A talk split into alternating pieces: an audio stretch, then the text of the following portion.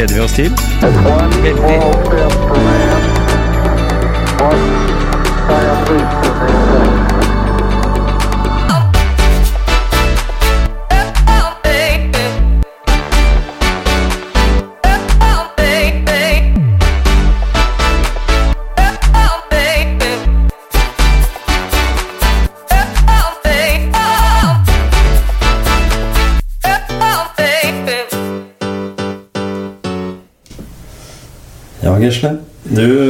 Kanskje litt sånn uh, høyde under taket her.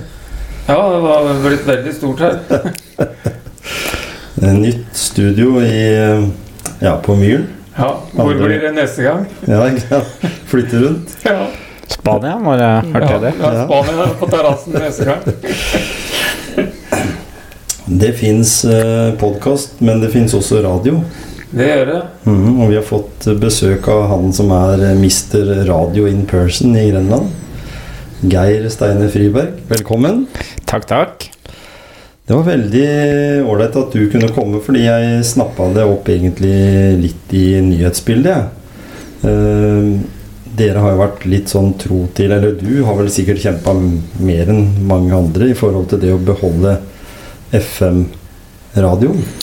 Ja, jeg har vel vært en liten forkjemper. Jeg har jo sittet i tolv år i, i Lokalradioforbundet også, så, og det har jo på en måte vært um, hovedkampen vår de siste 15 åra, egentlig. eh, for å beholde det FM-nettet. For det er um, viktig for i hvert fall de aller minste radiokanalene, om ikke alle. Men, men hva er det sånn i utgangspunktet en lokalradio tjener penger på i dag? Det er jo spennende å høre. Ja, det er ikke, det er ikke så mange, mange måter å tjene penger på, egentlig. Det er jo eh, det er eh, reklamefinansiert. eh, Stort sett går i de, de fleste radioer i dag. Mange er avhengig av radiobingo. Og så har du de som eh, er kanskje litt mer sånn typisk nisjeradioer, hvor de får eh, støttemedlem, de får eh, frivillig lisens, de får noe støtte ved å søke på enkelte prosjekter fra, fra Medsynet. Men, men Radio Grenland har jo bestått lenge. Jeg var jo i ungdomsåra når jeg hørte på Radio Grenland. Og jeg har jo en historie jeg skal fortelle helt til slutt her også, fra den tida. Men, men når starta det egentlig? Det starta i 1984, helt på slutten, så vi, vi, vi feira vel egentlig um, eh, 35-årsjubileum for ikke så voldsomt, voldsomt uh, lenge siden. Så, mm. så vi, eh, vi har holdt på lenge, i hvert fall i, i navnet sin forstand. Og så har vi vært litt forskjellige eiere opp gjennom uh, åra. De som kanskje har vært med lengst, er kanskje de kristne organisasjonene og LO og Samorg, som det het i gamle dager, som fortsatt har litt eierskap i dagens Radio Grenland. Og, og du kom inn i bildet eh, 2001 kom jeg inn i bildet, så jeg har vært med i over 20 år. Ja. Hadde du radiobakgrunn fra før av da, eller? Ingen radiobakgrunn fra før av. Akkurat samme bakgrunn som deg, Gisle. Jeg hadde hørt på Radio Grenland og Reidun Svarbassar og uh, disse flotte karakterene som var uh, når vi var uh, yngre. Kvart kilo, ka kvart kilo kaffe. Ja. Ja, men, men så var det en periode som det var litt sånn kombinasjon mellom radio og TV. For det var, vi har hatt lokal-TV også.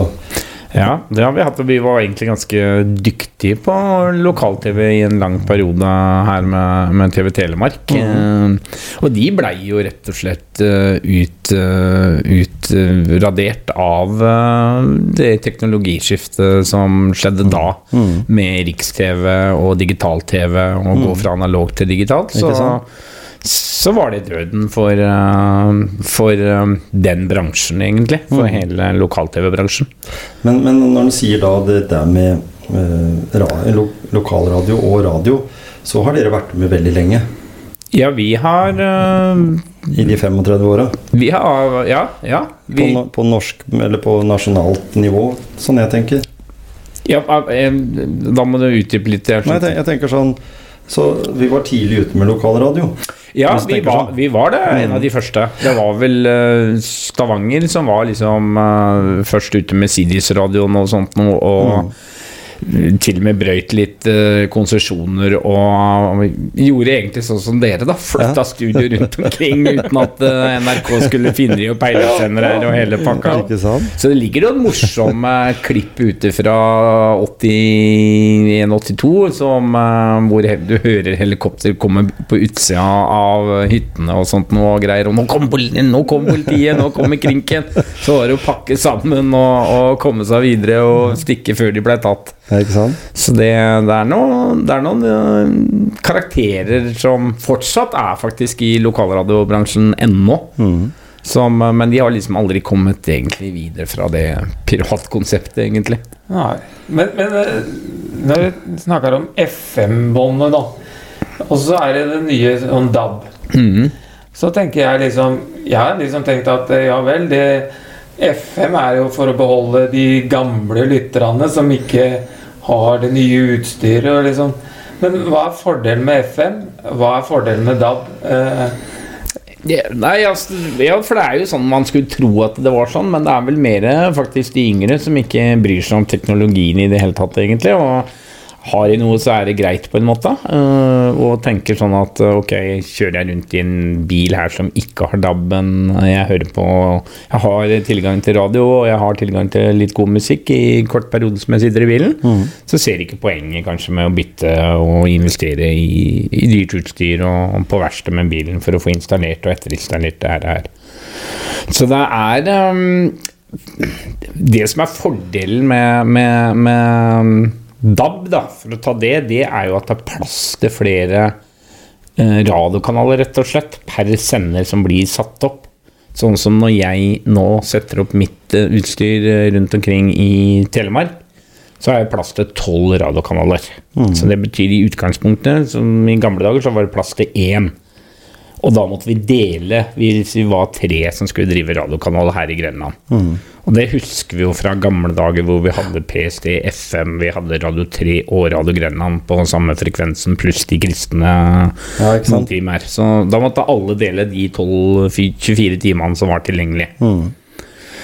Nå er det jo lettere. Nå har vi, har vi tolv plasser vi egentlig kan leie ut til uh, hvis det er noen kristne. Hvis Odd ville laga en egen uh, Odd-kanal, så kunne de leid det. Hvis idretts uh, Telemark ville leid den, og så heller brukt noe til fotball, noe til håndball, noe til forskjellige. Eh, man kunne hatt en podkastradio, en talkradio, hvor man eh, hvor man rett og slett eide en 24-del sjøl, og så den ene timen den var deres, og dere lagde podkast den dagen, eller 24, og så 7, da, at hver mandag så var det dere som hadde deres slott. Ja. Hvis vi hadde vært så mange som drev med podkast her nede. Men, så det, det fins muligheter. Man kan lage egen juleradio. Man kan lage forskjellige typer ting da i forhold til en DAB-radio. Man kan lage en egen dedikert en til Dyrskuradioen f.eks., sånn som eh, faktisk de gjør oppe i, i Øvre Telemark. Ja. ja. Så, så det er noen fordeler. Eh, det som er negativt med det, er jo selvfølgelig at du skal jo finne det, eh, disse kanalene. Det er jo I dag så er det vel 2-43 radioer man kan velge her i Telemark, og da er det jo gjerne til at man velger den radiokanal man er vant med å høre på, og ikke tar en skann annenhver time. For å se om det er noe nytt som har kommet på FM-båndet. Så, og så kan du jo si det igjen at en, du får et, et nisje, en nisjeradio, da, sånn som du sier, det er en, en kanal som bare tar for seg fashion eller ta for seg design og sånne ting. Mm. Så du kan lage veldig spesifikke eh, Ja, det er klart design og budskap, radio altså, Kanskje ikke det er mer kanskje TV og sånt noe, men Jeg tror hun hjemme, jeg tror hun hjemme hvis du hadde fått noen tips på radio òg, ja, så kan jo fantasien spille litt der, vet du. ja, det, ja, det kan du ha rett i. Så det er jo Så er det spørsmål om det er levedyktig, ikke sant? Altså kommersielt levedyktig. Men vi har jo de fleste Altså det, det man sa, var jo at det skulle bli et uh, mangfold når vi fikk DAB. Altså vi skulle få så mange flere radiokanaler.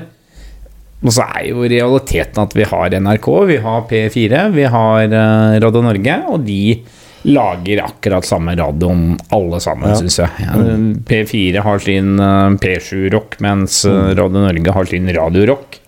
Så det er på en måte Det er det, er det samme. De, de lager eh, fire-fem forskjellige sjangere med vinyl.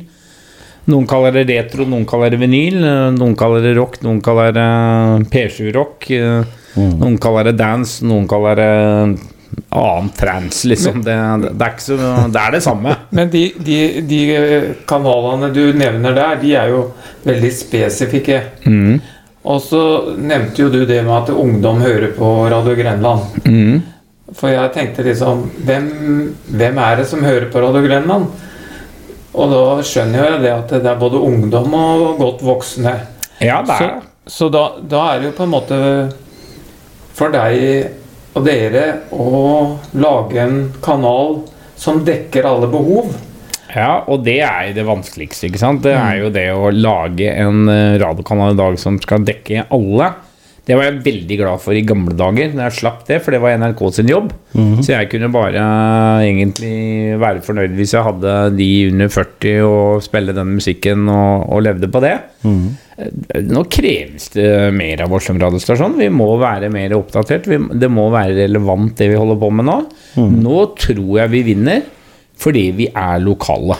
Og selvfølgelig så er vi avhengig av en god musikkmiks, men vi trenger ikke å vi har ikke, Det er ikke topp 40, men det er heller ikke vinyl, eh, på en måte. Det er en sånn midt imellom, hvor alle kan egentlig like den. Man eh, har ikke noe forhold til musikken vår annet enn at den er god, på en måte. Det er ikke noe sånn der Oi, nå jeg vil høre den og den låta. Liksom, man går ikke rundt og tenker sånn, men man får en god feeling av de låtene som kommer hos oss, og så er det relevant, den informasjonen som kommer. Men du sa jo nettopp det at eh, det er ikke lett å lage radio Det som dekker eh, behovet til, til forskjellige mennesker, da. Og da, da tenker jeg å spørre Hva er det som motiverer deg til å drive radio? Det er eh, litt todelt, altså, eller nesten tredelt, eh, på en måte. Det ene er jo eh, Det ene er jo å få lyttere. Vi er glad for hver gang vi øker, og, og hvem er det som lytter på, på vårt, på en måte. Og så kan man godt si at ok, er det, får jeg greie på det hver eneste dag? Eh, Det er i form av gode tilbakemeldinger, om det er naboen eller om det er eh, venner eller kolleger eller kunder eller hva det er, som, som gir gode tilbakemeldinger. Det, det motiverer eh, til å drive radio. Og så er det jo resultater, da. Altså at man er eh, Man, man flytter grenser, man overlever i et tøft hverdag. Alle forventer at det skal gå til Bloksberg og alt sånt nå, så motbeviser man eh, det i hverdagen. Um, det er liksom også det å komme på jobb og trives på jobb, og det å være en gjeng med fem-seks uh, som jobber hver dag uh, sammen, det er motivasjon i seg sjøl. Um, og så kommer den andre delen, i form av at vi er en kommersiell uh, kanal.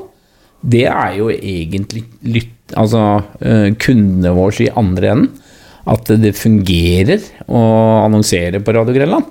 At man hjelper små og mellomstore bedrifter i å få flere kunder, i å få gode budskap ut. og Man blir på en måte en eh, medhjelper, en markedsføringssjef for eh, alle bedriftene der ute, egentlig, som, som ikke har tid til det og greie på det, og den gode kunnskapen, men som kan service og produktet sitt og sin egen bedrift. Så det, så det er ikke bare radiopratere på Radio Grenland, det er også annonseselgere, da. Ja, en form for annonseselgere. Vi kaller oss jo markedskonsulenter, ikke sant. Og det, det høres jo flott og fint ut, men vi er radioselgere. Ja. Men så blir du på en måte, når du har vært i 20 år i, i det her, da, så, så, så er det ikke om å gjøre å selge. Det er om å gjøre å levere. Mm. Det er om å gjøre å levere resultater. Det er vel kanskje det som er det morsomste. At eh, folk som er i utgangspunktet skeptiske, og omvende disse og vise de at det, her kommer resultatene, det er det som er gøy. Og da da kan det jo liksom ikke Da betyr det ikke noe voldsomt mye for meg at jeg skal ha 100 000 lyttere her, men jeg kan godt ha 10 000 bare de er riktige for mine kunder. Mm. at det er de vi ønsker å nå. Det er ikke Jeg skal ikke banne i kjerka, men det er ikke viktig at mora mi hører på Radio Grenland. Nei. For hun uh, bruker ikke mye penger der ute i uh, verden. Hun, uh, hun er tradisjonell og, og, og, og, og leser aviser og, og koser seg med det. Og, og helst bare bruker den samme butikken som hun alltid har brukt i hele sitt liv. Så, så, så når det gjelder sånn lokal markedsføring, så, så tenker jeg Mange sier jo at ja, du må ha sånn reklame bak på bussen og sånn. Og det går jo busser i hele vei, alle veier liksom i Grønland, men den beste lokalreklamen må jo være i radio. For den, for den har jo også på en måte For, for, for dere produserer jo også. Lager jo spotter for, for bedriften også, eller hjelper til med det. Det gjør vi. Mm, og da får du jo på en måte et uh, veldig lokalt produkt. Det kan være en messe, eller det kan være en festival, eller en, en sånne ting som, som skal være om noen uker, da, og så kan dere på en måte få det inn. Dere kan snu dere rundt mye raskere enn mye annen form for markedsføring, jeg tror. Mm. Jeg er jo eh, kjempeglad når du har eh, type amatørteater mm. som kommer til oss og sier at vi ble helt utsolgt i, i Ibsenhuset. Fantastisk, og vi får så mye tilbakemeldinger på radioreklamen fordi vi får vise fram våre egne skuespillere òg, som har valgt å lese inn eh, annonsen selv. For de, det er jo det de syns er gøy. Ja. Uh, og har vært kjempedyktig til det. Uh, så det, det er jo sånn jeg da blir motivert av når jeg får feedback. Så det, så det er nok kanskje enkel i, i den forstand at jeg er enkel å motivere òg, så lenge jeg får positive tilbakemeldinger. Nei, men, men, men du driver jo en radio, og du må jo være eh, med på å motivere også ansatte Ja. til å tenke litt som deg, da. Eller på en måte du har 20 års erfaring, og så har du sikkert hatt ansatte som har vært innom og som har gått videre, sånn som det er på alle produksjonsbedrifter, kan jeg kalle det, for dere produserer jo, jo radio. Um, hva er dine enkle råd for, for akkurat det? Hvordan driver du businessen din? Ja, det er jo altså det, er- Der er det, det er jo mange veier til rom, tror man, i hvert fall. Mm. så har jeg lært mens jeg har vært i den bransjen her òg, fordi at og, det, og det går tilbake igjen på den feedbacken man gir, da. Mm. I forhold til at jeg husker liksom helt i starten så eh, det hører jeg jo alltid på Radio Grenland, ikke sant? Og så, og så hadde du hørt noe på radioen på veien i bilen, eller et eller annet, og det første du kom på jobben din sånn, Det går ikke an å si det. Eh, fordi det var et eller annet jeg hadde bitt i meg merke, ikke sant? Eh, og tenkte eh, og, og, og skjønte ikke hvorfor de egentlig blei gretne og alt sånt, for det var jo ikke min intensjon å så egentlig eh, rakke ned på det, men jeg liksom tenkte at det var det enkleste. Det, det jeg ikke likte, det sa jeg fra om, for det var det enkleste. Og da hvis jeg sa ifra om én ting istedenfor de 50 tinga, så, så var jo de 49 andre tinga greit. Men eh, jeg sa ifra akkurat den ene tingen for å bli bedre, og det skjønte jeg fort at det måtte jeg slutte med. Fordi at det var egentlig bare ros du måtte komme med. Altså, det var bra. Veldig bra gjest du har der. Fantastisk god innsats du gjør. Altså, det med å rose hverandre, det er nok eh, det som på en måte har eh, er blitt suksessen på en måte, da. Ja. Og så kan godt eh, ansatte arrestere meg nå og si at det er ikke så flott, men, eh, men, men det er i hvert fall det jeg har funnet ut, at det er du kommer lengst med å gi positive tilbakemeldinger, og kanskje man skal la være å telle til 20, 30, 40, 50 før man gir en, negativ tilbakemelding eller påpeker noe, da. Men hvis det er noen som går med en liten sånn radiodrøm, da, om å begynne i radio eh, Hvordan skal man få jobb i Radio Grenland? Du vet hva, det har, jeg har hatt ekstremt mange som er innom, og så tror de at det å jobbe i radio er så kult. Og så at du tror at det er verdens enkleste ting også. Så, og så er jeg positiv da, til å høre hva de prater om, og alle har en mening om hvordan de skal gjøre radioen min så mye, eller vår, så mye bedre. Og, og, og der er jeg ganske streng. For at vi, vi, vi, vi, skal ikke forandre radioen, men eh, man skal tilføre noe. Eh, og, og jeg har jo på en måte sagt også at det er liksom CV og sånt, og det bryr ikke jeg meg om om du har utdannelse fra Gimle eller fra Norsk journalisthøgskole eller hvor du har den. For vi lager jo ikke en sånn radio, vi skal lage en radio som Ja, som folk Sånn som dere lager en podkast, egentlig. Man skal Mm. like å høre på den, og, og, og man skal liksom trenger ikke å være så voldsomt faglig bare. Bare det man føler at man blir prata til. Mm. At, det er, at de, de prater til meg som lytter. Og det er klart, jeg har sagt at det er stemmen som gjelder, og det vet vi jo aldri før du er på radioen, da, om det er slå-av-grunn eller om det er eh, ikke. Du kan jo ha verdens fineste CV hvis du har en sånn pipestemme. Jeg, jeg kunne ikke vært på radioen. Det vet jeg jo på en måte, fordi at stemmen min er ikke behagelig nok å høre på i det lange løp. Så, så, så, det går jo på det, men har du en stemme og du på en måte kan gi litt av deg sjæl og, og, og sånt noe, så, så er du hjertelig velkommen til å ta en prat med oss. Og så begynner vi jo i det små, og så utvikler man seg deretter. Ja, jeg jeg tenker liksom Det er jo mange som går med en drøm om å bli fotballproff, og så, og så prøver man, da, og så er det ikke for alle å bli det heller. Det er, det er litt sånn jeg har sagt til alle. Det har kommet øh, Vi har vært veldig flinke på utplassering med elever fra ungdomsskole, og de har hatt uka si hos oss og, og, og sånt noe. Og vi har kasta Eliteulvene ut til lag fem på gata. De har laga kinoreportasjer. De har måttet gjøre litt grann, øh, ut av det, og det, det har blitt bra. Og så har kanskje en av de siste fem-seks kom tilbake og lurte på om det er mulig å få litt kveldsjobb og sånt nå hos oss øh, etter skolen. Og vi har motivert til det. Og så, så- så er det dessverre sånn i lokalradiobransjen, det, litt det samme som det blir i fotballbransjen, at det, jeg må ikke ha noen på kvelden for å sitte der og, og lage radioprogram. Og vi lager jo ikke en radiostasjon for at de skal ha et sted å bare være, de ungdommen. Det må være en progresjon i det.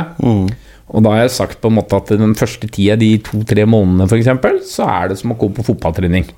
Du får ikke betalt, men blir du proff, Ja. så betaler vi jo gladelig, og vi kan flytte deg opp til dagen eller ettermiddagen eller ferietider eller sånne type ting. Og noen er jo utålmodige, ikke sant. De vil ikke legge en, eh, legge en eh, fire timer i uka på kvelden eh, til det, for at da vil de heller jobbe på normal eller på bensinstasjon eller noe sånt, hvor de får betalt. Og jeg skjønner jo det, men da brenner du heller ikke nok for akkurat dette yrket. ja, ikke sant? men så er det jo igjen viktig at noen tør å prøve, for det at du kan jo finne den rette radiostemmen Ja, ved at de er der. masse tilfeldigheter. Altså Han som er der i dag, Thomas Bakken, han begynte å koke kaffe.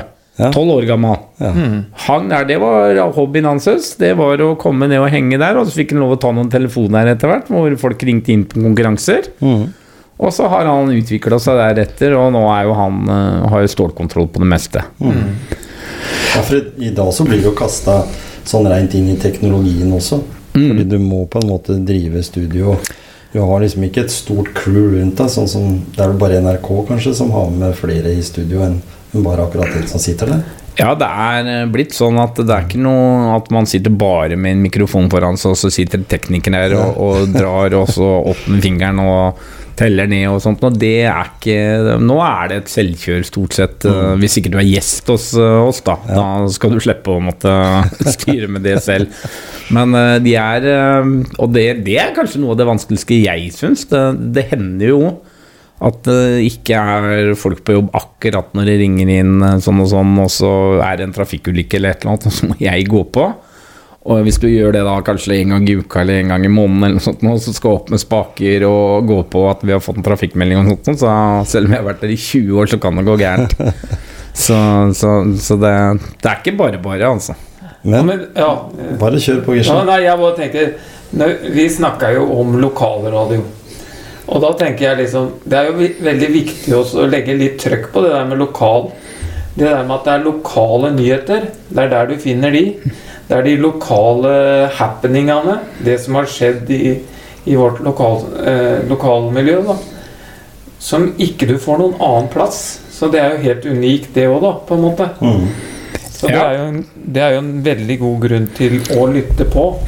Ja, det, jeg, det, altså det er jo det som er konkurransefortrinnet mitt i dag. For i dag er det altså, ja, I dag kan alle finne den musikken de ønsker, om det er Spotify eller om det er, eh, om det er eh, andre typer radioer um, i sin sjanger som de liker best. Men det er bare vi, og til dels NRK mm, Telemark, som gir deg den relevante informasjonen i bilen eller på hytta eller hvor du er henne via, via radio, altså. Det er, bare, det er bare vi du kan høre Odd-kampen direkte 100% ikke sant? Jeg var i jeg var på høstferie i uh, Rådås, og så reiste jeg fra Sverige. Og så kom jeg hjem igjen, og så var det veldig kjekt å komme til akkurat svenskegrensa. Så fikk jeg med meg akkurat hele kampen til jeg var hjemme. Ja.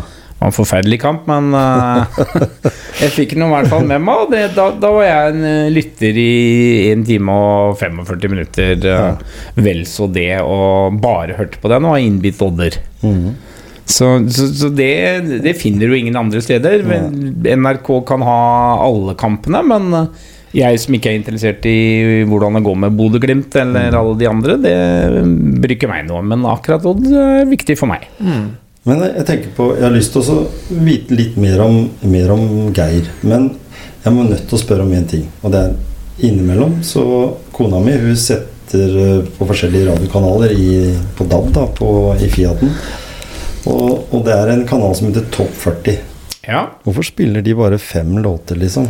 Ja, når det gjelder topp 40, det har jeg også lurt på.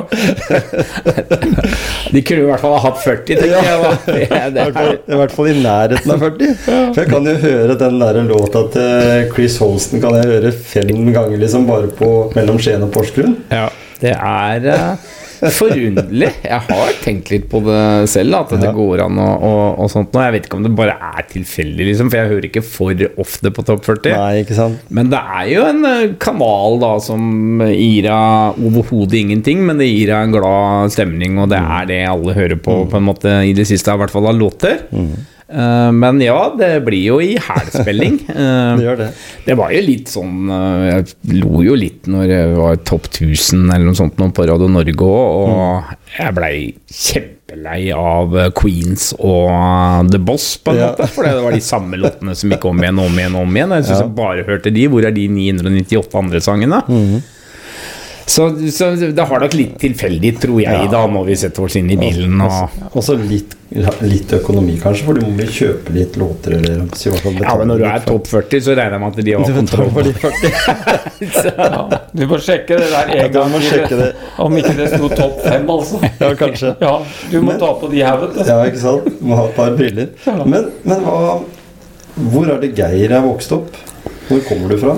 Er du Jeg hadde mine første leveår hadde jeg Langgangen. Ja. Fantastisk eh, bygd eh, mellom Larvik og, og Porsgrunn. Eh, så flytta jeg når jeg begynte Hadde sånn innkjøring i, i, på førskolen i, på Borge skole i Hoinga. For, så jeg, eh, fordi jeg skulle flytte og begynne første klasse i, i Porsgrunn. Da. Så jeg flytta dit når jeg var datida åtte år. Da. Ja. Eh, så jeg er vel egentlig født og oppvokst da på, på Hovinga, eh, og med ja, idrett og, og, og, og det som hørte med på Kjølnes-området. Mm. og var en aktiv idrettsmann både i håndball, fotball og bandy, faktisk. Mm.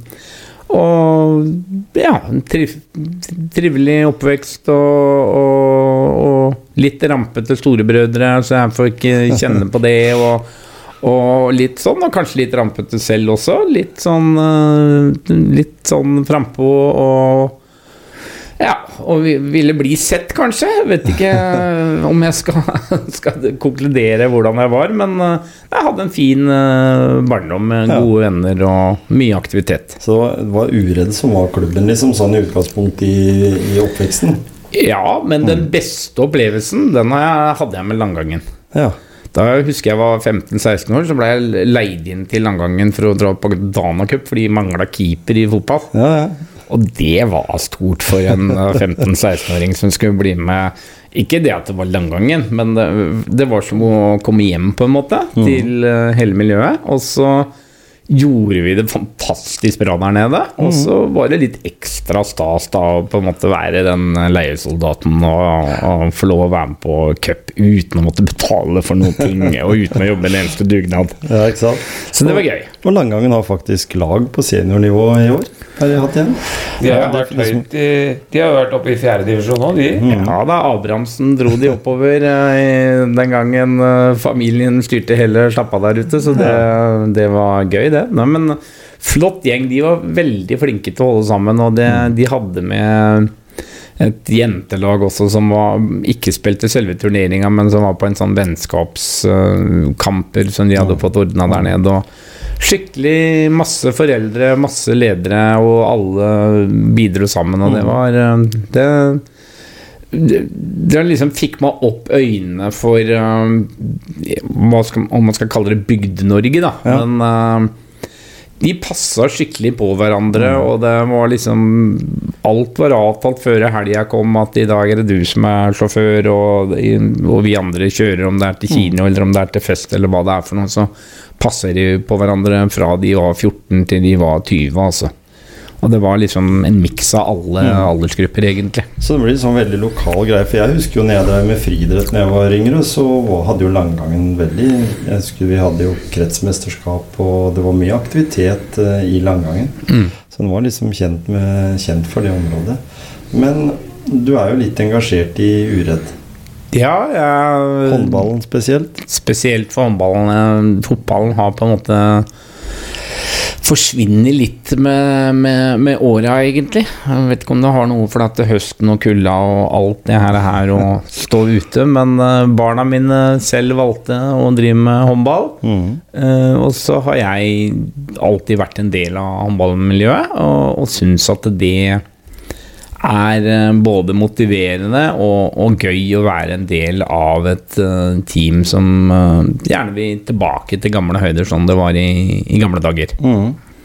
Og så har vi et fint veteranlag i, i klubben som eh, tar vare på alle. Og vi reiser en gang i året på NM, og de siste åra har vi også blitt bedt i Europamesterskapet fordi vi har blitt enten nummer to eller nummer én i NM-finalene. Så så det, det gir litt øh, Og de klarer, vi klarer på en måte å holde sammen uansett øh, hva slags type karrierer vi har øh, privat. da Så det er fra lærere til leger til radiofolk til truckselgere.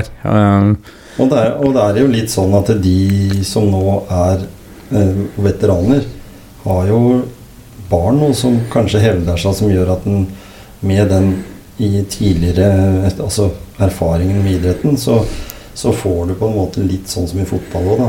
Så har du barna til de som var landslaget på 90-tallet, eh, som nå hevder seg i, i senior. Ja, det har um, vært litt sånn uh, Der har ikke håndballen vært like heldig, fordi at uh, som regel hvis man var god i, i håndball den tida, da, som Uredd var på toppen av, av, av liksom uh, divisjonene og sånt så så var det gildt. Det var enkelt å velge håndballen. uh, men de var sannsynligvis også talenter i fotballen. Ja. Så mange av barna til disse, til disse toppspillerne tidligere har jo valgt uh, fotball, egentlig, og, og prøver å gå den videre. Det er ikke alle som har blitt toppspillere, men de er, det å spille annendivisjon fotball nå er jo nesten topp. Mm.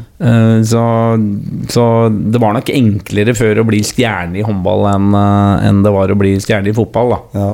så selv om du ikke blir stjerne nå, så er du stjerne hvis du spiller på et eh, ok andredivisjonslag i, i fotball. Mm. Mens um, du måtte liksom være helt i toppen i håndballen. da Ja, ikke sant?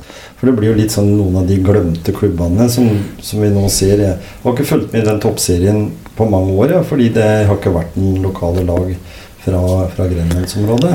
Men, men øh, Og plutselig så ser jeg at jeg kikka gjennom, så var jo sånn som lag som Runar og de som jeg trodde var i toppen, de var jo ikke det lenger. Nei, de, det- det har liksom utvikla seg over tid. Nå er det Elverum, selv om Elverum uh, hadde vel lag på den tida også, men Ja. det, det har blitt eh, helt annerledes. Så det flytter seg litt rundt. liksom sånn Ja, det er liksom plutselig så er det Øyestad, og nå skal det bli noe i Trondheim snart med Sagosen, og det er jo klubb som noen knapt nok har egentlig hørt om, på toppladen i hvert fall. Så, så det, det, er, det er- kanskje blitt sånn at pengene rår litt, men det er også litt uh, miljøene, tror jeg, at Ja, det, for det det er flytter seg. Ja, for det er noe med ildsjel. Mm.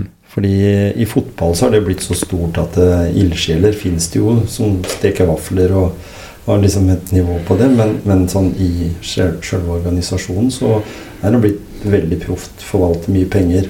Men håndball er jo fortsatt litt sånn dugnad og helt ned på eh, klubbnivå, eller helt ned på aktiv nivå. aktivnivå. Du kan i hvert fall komme ganske høyt opp med å ha en god klubb som er godt organisert, og, og som har god idretts- eller eh, dugnadsånd og, og høy motivasjon for å være der for barna sine.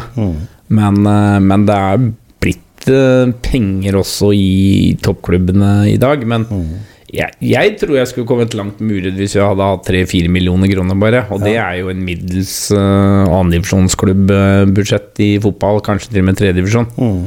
Så, men uh, Men eh, Nei, det, det er eh, Det blir mer og mer penger, dessverre, i håndball nå. Da blir det kanskje det at det er kanskje enkelte lag, da. To-tre lag som stikker seg ut, og det er bare Europa som gjelder. Ja. Norge blir for lite når det kommer 350 stykker på en eliteseriekamp i håndball. Men, Det- men vi kan jo kont- konkludere med at eh, håndball er en fin idrett, og at, eh, at flere kan være nysgjerrig og, og i hvert fall prøve det ut. da. Ja, jeg vil jo anbefale det til alle. Altså På lik linje egentlig med all type aktivitet. Hvis man er aktiv, om det er friidrett eller om det er turning eller sånn, hva det enn måtte være. Det som jeg syns er bra med håndball, er jo at det er en lagsport. Hvis man ikke syns at lagsport er eh, særlig interessant, så fins det mange gode andre individuelle idretter. Men jeg syns håndball, i hvert fall her i fylket, er kanskje en av de bedre lagsportene hvis man ser bort ifra fotball, som kanskje er øverst på hierarkiet. Men jeg velger jo håndball fordi det er en billig idrett, og det er en tørr og god idrett. Du kan drive det når det er eh, kaldt ute, og holde på hele veien. Og så syns jeg det er hyggelig at man Jeg savner litt den gode gamle dager, da, hvor man drev med fotball på sommeren. Ja, Og så drev man med håndball på vinteren. Ja, jeg tenkte, satt akkurat og tenkte på det. At det burde vært eh, en større mulighet for det. Jeg, jeg har liksom på en måte et inntrykk av at det har vært litt sånn Du må velge enten det ene eller det andre altfor tidlig, da. Ja, det kan godt hende at det er riktig. For jeg ikke noe, har ikke noe fagkunnskap på akkurat det. Men jeg savner det der, der å være barn lenger og, og, og at det hele tida skal Når du er ferdig med en fotballsesong i oktober-november, så begynner vinterserien, og, og da er man i gang igjen med Man er aldri ferdig med noe. Nei.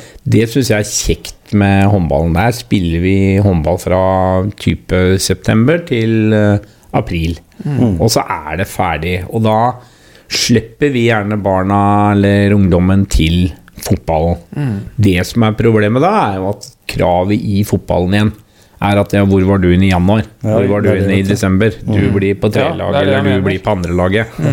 Fordi du har jo ikke vært der i hele vinter. Så det, Det synes jeg er trist. Samarbeidet burde vært bedre. Mellom, I Ja. hvert fall i- innad i en klubb, f.eks. som Uredd. Uten at det, jeg, er ikke noe, jeg er ikke noe inne i det, og jeg vet ikke. Jeg bare synser og mener og, og tror og kanskje så, Det er litt sånne antakelser, da. At det liksom på en måte det samarbeidet burde vært i hvert fall veldig bra, da. En trening er en trening, har jeg liksom på en måte sagt at man mm. kan godt øh, og, og, og jeg er nok øh, annerledes der og tenker at det er viktig at barna istedenfor at det er jeg som skal presse dem til å velge håndballen, og så er det kanskje fotballsparker de burde blitt. Mm. jeg tør ikke å ta den sjansen for øh, barna. Det er tross alt en viktig avgjørelse hvis man velger det. Men så har du de andre òg som sier at jeg slutter med håndball for jeg skal satse fotball. Ja. Og så øker ikke treningsmengden sin engang. De bare fortsetter, men de dropper én De dropper bare håndballen. Fordi de skal satse fotball, men de har ikke gjort noe mer med det.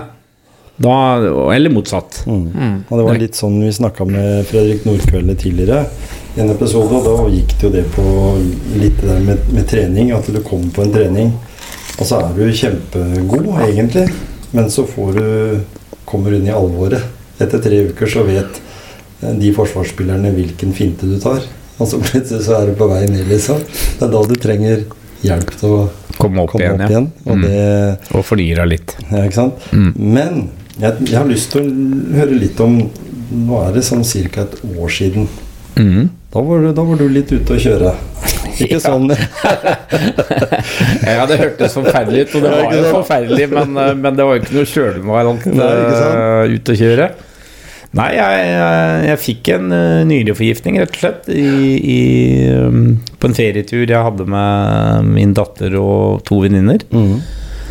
Merka det Vi reiste vel eh, på torsdag, så jeg merka det vel uka føre. Mhm. Og, og følte det var litt uggen, og det her var jo på en måte i korona òg, så jeg tenkte liksom er det sånn korona fungerer, på en måte? Feber og, og helt utmatta og utslått. Mhm. Så jeg reiste på legevakta på søndagen, for da hadde jeg vært liksom to-tre dager hvor jeg virkelig var slapp. Og så fikk jeg antibiotika. Og så kvikna jeg til, og så skulle vi reise til Bergen og vestlandsferie på torsdagen. Og turen bortover gikk greit, jeg følte meg fin og alt sånt nå. Og, og spiste godt på kvelden når vi kom bort og, og sånt nå. Så var det fredagen, og da, da var det litt sånn at jeg blei litt sånn slappere og, og dårlig. Og så fredagskvelden kom, og da tenkte jeg liksom åh nei, jeg orker ikke noe, noe mat, på en måte. Jeg lurte på om de kunne klare seg sjøl hvis jeg betalte for måltidet, og jeg, om jeg kunne gå og legge meg. Så jeg gikk og la meg ganske tidlig. Vi skulle videre til Stavanger med, med Fjordline. Eh, tok båten istedenfor å kjøre bil eh, ned. Kjørte bilen om bord og f- var, hadde ingen lyst. Jeg var slapp, og jeg var, eh, det var egentlig bare å komme seg til hotellet som var målet mitt, på en måte. Og våkner jo da ut på søndagen at jeg er kjempeslapp, og jeg må bare komme meg på legevakta, for jeg må finne ut av det her. Og blir jo da hastig innlagt eh, der med nyresvikt og forgiftning og full pakke. Og dårlig immunforsvar og alt var, var galt. Og ble liggende da der nede i nesten tre og en halv uke på intensiven og, og, og rehabiliteringa der nede, da. Så ble jeg flytta til Skien og lå i Skien i tre uker.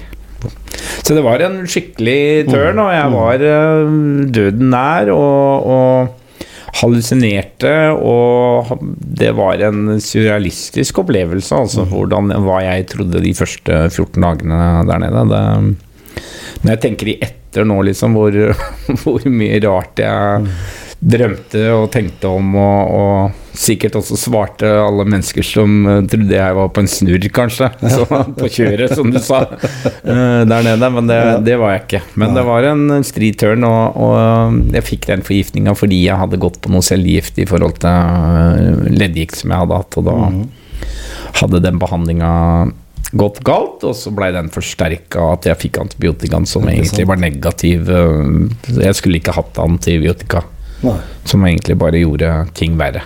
Men, men, men jo, har det gjort noe med deg i ettertid? Sånn, du nevnte jo korona. Det der var sikkert uh, verre enn korona, egentlig, da, hvis en tenker på et så langt løp som det gikk, med så mange uker. Ja, altså Der og da vet du, så, så, tenkte, så var det jo bare å komme seg innom det. På en måte, Jeg tenkte jo ikke før jeg var ferdig når jeg snakka med legen at hvor nære du var. Og så rakk jo aldri å tenke på det, for det gikk jo så fort.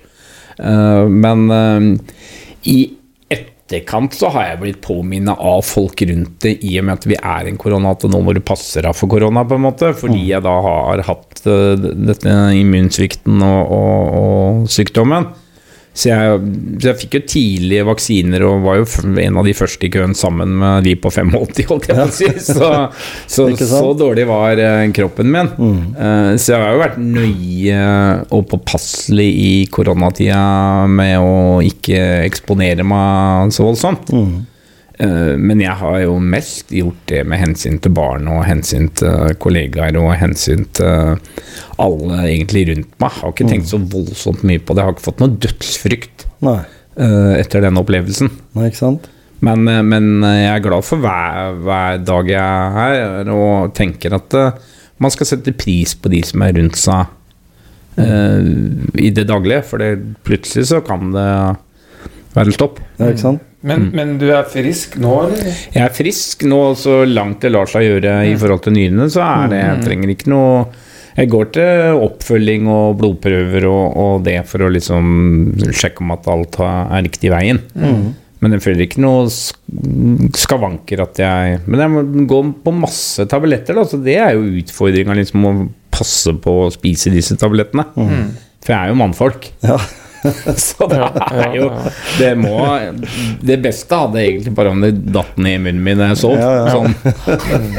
Så, Skal være lettvint. ja, det, for det, det, ja da, og det er ikke noe vanskelig, men det er rutiner, da. Det er jo det det går på. Ikke sant? Men, men hva gjør du sånn eh, for å være aktiv? Da? Du nevnte jo håndball eh, og håndballmiljø, men hva gjør du sånn eh, i det daglige?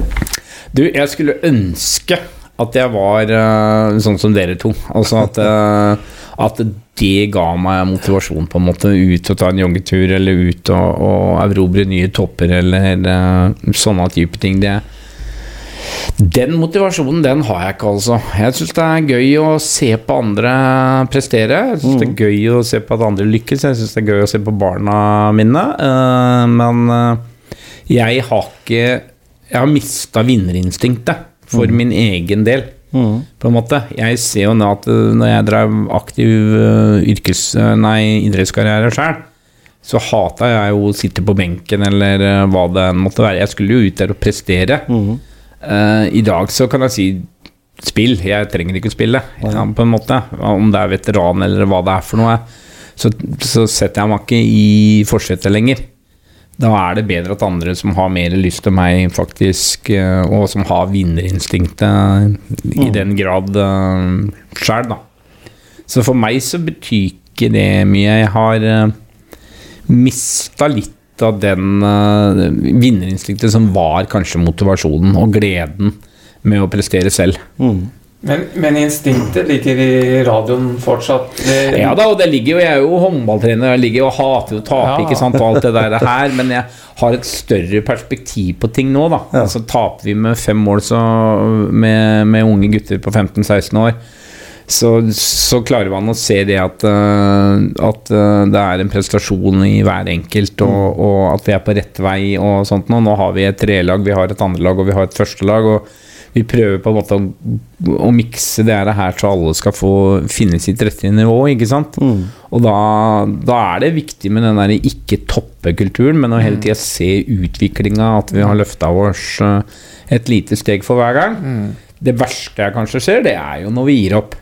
Det er kanskje det verste, på en måte. Og da, da, da blir det gjerne litt ekstra tid i garderoben etterpå med guttene, og, og hvorfor, liksom. Er det Det er jo ikke derfor vi holder på. Det, det er ikke for å gi Nei, opp, det, er- men Innstillinga må være på plass. Helt riktig. Og så må vi forvalte, forvalte det vi har på best mulig måte. Og det er ikke bestandig at vi har dagen vår og alt det her, her men, men, man må ha, men man må ha med hodet og viljen og hjertet. Det er på en måte viktig, og det forfekter jeg i dag. Og det må man gjøre i arbeidslivet også. Og kanskje går vi inn i en ny sånn tiårsperiode med uredd i toppen? Ja, det hadde, vært en, det hadde vært en drøm. Det, det er jo kjempegøy nå. Og det, det er jo litt av det vi sier i motivasjon til unge gutter som, som, som gjerne har litt hastverk. da Som gjerne Ok, na, å, de spurte om jeg ville komme på testtrening i Sandefjord eller i Runar, og det er en divisjon eller to over oss, ikke sant. Og ja, og det må du jo gjerne på en måte gjøre, da, men, men realiteten er jo at du får kanskje en litt bedre treningshverdag. Men realiteten er kanskje at du må spille på andrelaget deres, trelaget deres i en eh, lengre periode. Eh, og hvor det er tante, onkel og, og kanskje en kompis som kommer og ser den håndballkampen. Mens eh, i Uredd så har vi 300-400-500 nå, det er A-laget vårt. Og spiller du der nå, så, så er det gøy, liksom. Det er flere folk på, på Uredd sine A-kamper enn det er på Gjerpen sine. Trist nok, men, men, men det er en realitet. og Det, det betyr jo at det kanskje Porsgrunn og grenlandsfolk vil ha Uredd opp igjen, og at det er, de savner gamle dager. Og at Uredd har et navn fortsatt, at det er spennende det vi holder på med nå. Og, og nå er jo potensial for å se hele kampen til sted, i og med at eh, Søyland er borte. ja. Og var verst at vi søker oss inn til Porsgrunnshallen, for det er godt og trygt. Men, eh, men eh, ja da, jeg er helt enig i det. Og, og vi skal den 18.12. da skal vi innvie Grenland, eller Porsgrunn Arena for fullt. Da, da flytter vi permanent uh, til den nye hallen. det blir Det har- bra. Det har vært litt problemer i forhold til tribuner og litt sånn, men ja. Jeg sitter bak søylen, jeg, mellom Uredd og ballklubben, husker jeg, når de spilte kamper. Da Da var det stappfullt. Men er det ikke det nostalgi, ja? Og er det ikke det vi prater om i dag? Vi prata jo ikke om hvordan det gikk i kampen. Det var de der hersens uh, søylene. Ja. Jeg sitter bak søylene Sørlandet på, det. jeg sitter bak Sørlandet på eh, Odd og jeg, på den gamle tribunen der. Ja, ikke sant.